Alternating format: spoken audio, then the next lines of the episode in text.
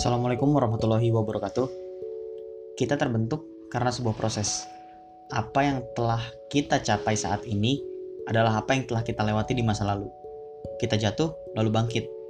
Kita terbentur dengan sangat keras, tapi kita hiraukan karena itulah proses. Seorang Bill Gates tidak akan menjadi seperti sekarang sebelum ia melewati sebuah fase yang namanya gagal. Sama, gue pun begitu. Saat ini gue nggak bisa bilang diri gue sukses, tapi ada suatu hal yang ingin gue ceritain ke kalian. Insya Allah bermanfaat. Sekitar tiga tahun yang lalu, bulan Juni 2017, gue lupa tanggalnya. Ada satu momen di mana saat itu gue hampir putus asa. Gue merasa akan banyak hal yang harus gue relakan. Karena saat itu gue mengalami kecelakaan yang membuat otot tendon Achilles gue putus dan harus dioperasi.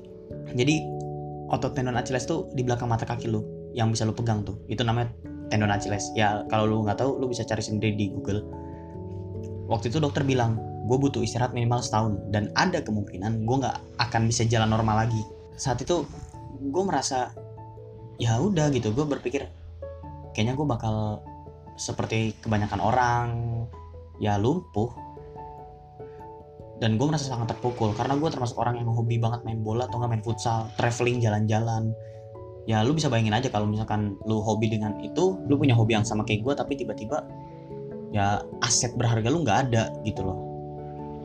Kaki lu hilang kaki lu nggak bisa dipakai buat jalan lagi. Ya ya udah apa yang mau bisa lu lakuin? Sedih. Tapi lu nggak bisa apa-apa.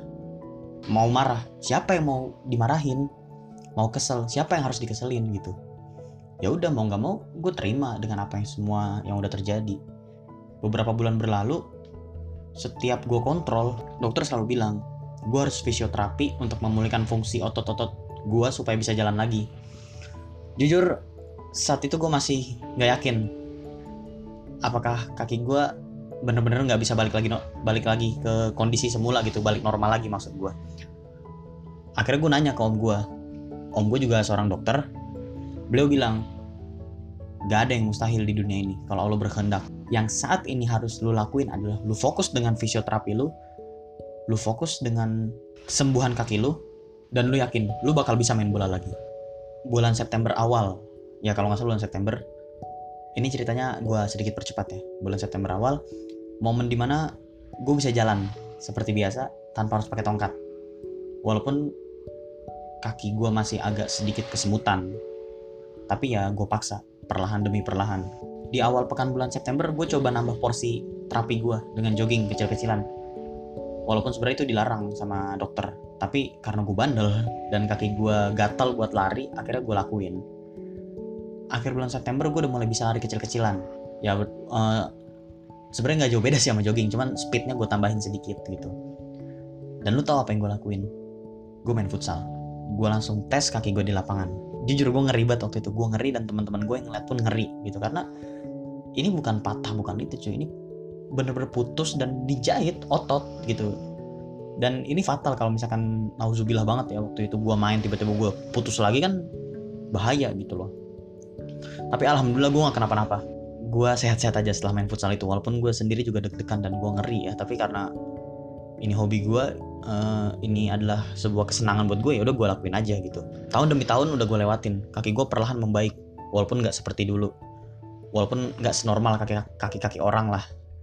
Karena saat ini gue sedikit berhati-hati apalagi saat gue main bola gitu. Gue menghindari banget yang namanya scrimmage yang namanya apa ya kemelut. Karena gue nggak mau ya pasti kita semua nggak mau gitu. Kalau pasti kita semua nggak mau juga ngerasain kan kaki gue kenapa-napa atau misalkan lu punya pernah punya riwayat patah tulang atau engkel gitu kan buat lo yang senang main bola pasti kan lu nggak mau lagi hal itu terjadi lagi kan. Sama gue juga begitu. Gue menghindari hal itu. Walaupun beberapa kali di beberapa momen gue pernah kena lagi kaki gue kambuh lagi gitu. Tapi tapi alhamdulillah nggak sampai putus lagi. Ya kurang lebih begitu ceritanya. Sebenarnya banyak hal yang gue cut buat mempersingkat waktu aja biar kalian juga nggak bosen dengernya. Oke jadi ada hal yang ingin gue sampaikan ke kalian dari cerita gue tadi. Tolong koreksi juga kalau misalkan ada kata-kata gue yang salah. Menurut gue, terkadang kita butuh untuk dihadapkan di satu masalah yang dapat membuat mental kita berada di titik terendah. Untuk apa? Untuk memotivasi diri kita bahwa sebenarnya kita bisa melewati masa-masa itu.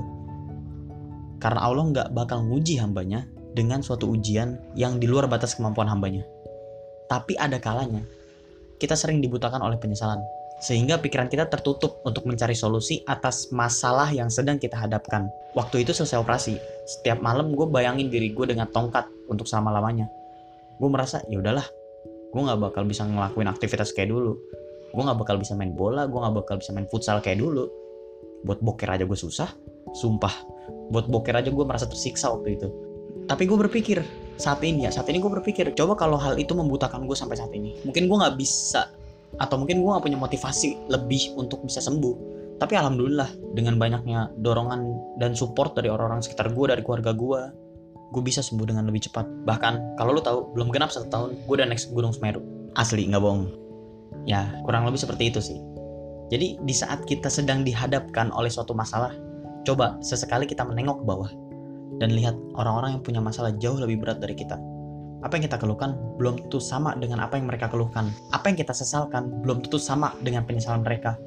Setiap manusia punya porsinya masing-masing. Setiap manusia punya porsinya masing-masing dalam sebuah ujian. Tapi sering kali kita merasa bahwa hidup kita lebih berat dibandingkan hidup orang lain. Bener gak sih? Ya karena kita cuma tahu luarnya doang. Kita sering menikmati hasil tanpa tahu proses. Sehingga nggak sedikit dari kita merasa, oh dia sukses, kayaknya gampang banget ya. Oh dia sukses ah karena ini. Oh dia sukses karena ini. Ah dia mah gampang kayaknya sukses gitu. Ya udah karena kita tahu luarnya doang. Kita nggak ngelihat bagaimana dia berjuang dari nol. Kita nggak ngeliat bagaimana dia susahnya berjuang untuk naik naik naik lalu jatuh naik lagi jatuh lalu naik lagi. Kita nggak lihat itu semua. Kita cuma nikmatin doang. Makanya coba sekali-kali lu lihat biografi tokoh-tokoh hebat. Lu cinta kan sama Apple? Lu cinta sama produk Apple? Lu lihat biografi pendiri Apple. Lu cinta sama Windows? Lu lihat biografi mereka gimana mereka membangun semua reputasi mereka dari nol di mana mereka dulu pernah dihina, mereka dulu pernah direndahkan, mereka dulu pernah ya dianggap hanya membual. Itu semua mereka rasakan. Atau enggak lu tanya sendiri orang tua lu. Coba sekali-kali aja lu tanya. Mungkin di antara pendengar gue ada yang orang tuanya pebisnis sukses. Coba tanya ke mereka, bagaimana mereka dulu membangun bisnis mereka sampai bisa seperti sekarang. Ya, mungkin ini sedikit di luar apa yang gue ceritain ke kalian barusan ya. Tapi poin yang pengen gue sampaikan ke kalian dan ke diri gue pribadi adalah kalau kita tahu bahwa kita akan jatuh ya solusinya cuma satu yaitu bangkit. Bukan dia meratapi nasib. Karena dengan kita diem dan menyesali apa yang telah terjadi itu nggak akan ngubah apa-apa bro. Tapi kalau kita menyesali apa yang telah terjadi dan kita belajar dari penyesalan tersebut dan mau untuk bangkit berapa ratus kali pun kita terbentur kita akan kebal dengan itu semua. Karena seorang pelaut yang handal adalah ia yang dapat menaklukkan angin bukan ia yang hanya bergantung pada angin.